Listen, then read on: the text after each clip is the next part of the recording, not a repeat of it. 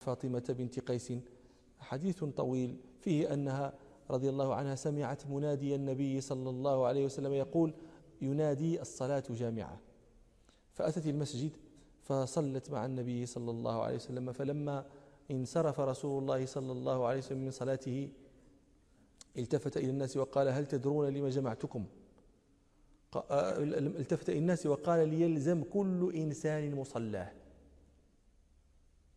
ثم قال صلى الله عليه وسلم للناس هل تدرون لما جمعتكم؟ فقالوا الله ورسوله أعلم.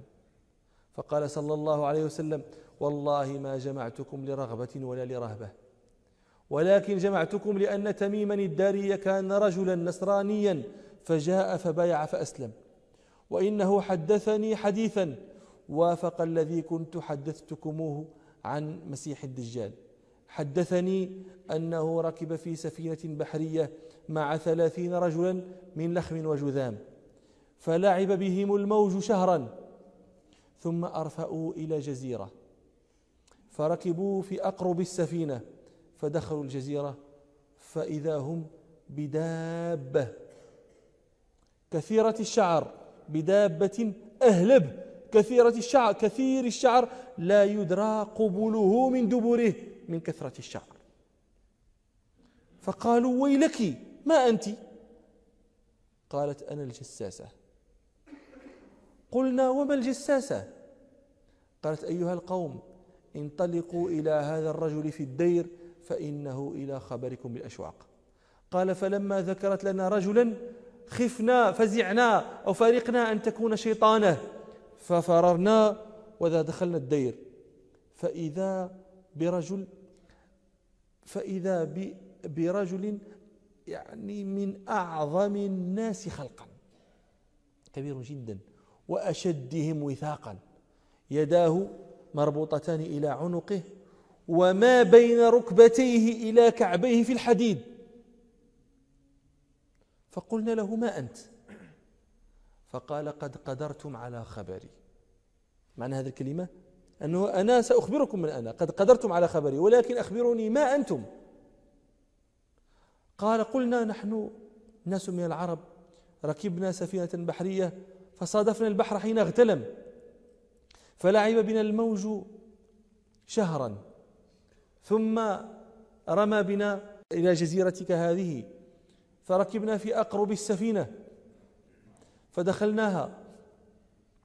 فإذا نحن بدابة أهلب كثير الشعر لا يدرى ما قبله من دبره من كثرة الشعر.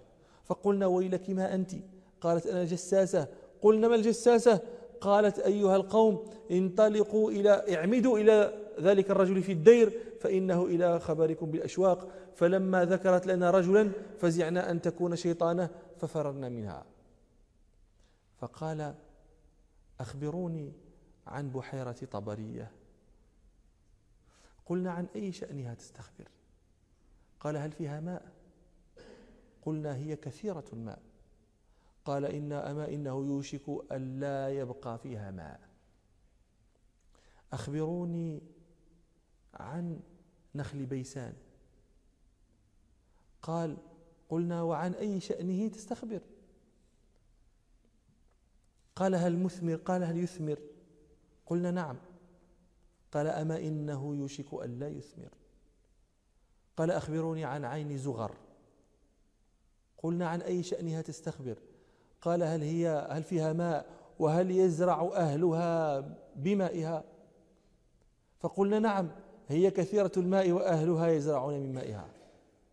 قال فأخبروني عن نبي الأميين. ماذا فعل؟ صلى الله عليه وسلم. قلنا نزل يثرب خرج من مكة ونزل يثرب. فقال هل قاتله العرب؟ قال قلنا نعم. قال فما فعل؟ قلنا قال قلنا قد ظهر عليهم وأطاعوه. يعني هذا بعد بعد الفتح. فقال أما إنه إنهم خير لهم أن يطيعوه. وإني أخبركم خبري أنا المسيح. وإنه يوشك أن يؤذن لي فأخرج. فلا أدع قرية ولا بلدة إلا هبطتها في أربعين ليلة إلا مكة وطيبة. على كل نقب منها الملائكة بأيديهم السيوف كلما أردت أن أدخل نقبا استقبلني ملك بيده السيف صلتا فقال رسول الله صلى الله عليه وسلم ونقر وطعن بمخسرته في المنبر هذه طيبة هذه طيبة هذه طيبة. ألا هل كنت حدثتكم؟ قالوا نعم. قال فإنه أعجبني حديث تميم أن وافق الذي كنت حدثتكم عن المسيح الدجال وعن مكة وعن المدينة. ثم قال صلى الله عليه وسلم إنه يأتي من بحر الشام أو من بحر اليمن. ثم قال لا بل من قبل المشرق ما هو من قبل المشرق ما هو من قبل المشرق ما هو. وأشار صلى الله عليه وسلم بيده إلى المشرق. فهذا حديث الدجال حديث الجساسة. و آه، يعني هو من من أحاديث أشراط الساعة. وقد حاول كثير من الناس ممن يحاول تأويل هذه الأمور المغيبة تأويلا يوافق العصر عندما يرون شيئا من الوحي يصدم ما تذهب إليه العقول. يقولون أين هي هذه الجزيرة؟ أين هي؟ الآن بهذه الطوبوغرافية كل جزيرة على الكرة الأرضية قد عرفت والآهلة منها وغير الآهلة كل ذلك عرف. فأين هي هذه الجزيرة؟ وما هذا الحيوان الكثير الشعر الذي لا يدرى قبوله من دبره؟ أصناف الحيوانات مدونة معروفة بأسمائها و وما هذا الرجل الذي يعيش هذه الدهور المتوالية المتتالية؟ وهو مغلول من يطعمه ومن يسقيه؟ وهب أنه يطعمه ويسقيه إنسان. يعني ما هذا الأعمار الطويلة؟ جوابنا عن كل هذا آمن الرسول بما أنزل إليه من ربه والمؤمنون. كل آمن بالله وملائكته وكتبه ورسوله وما جاءنا من أمر الغيب من رسولنا صلى الله عليه وسلم نؤمن به. إذا قبلته عقولنا فنعم نعم ما بهذا القبول. وإلا فليست عقولنا حاكمة على الوحي. ولذلك أثنى ربنا على المؤمنين الذين يؤمنون بالغيب.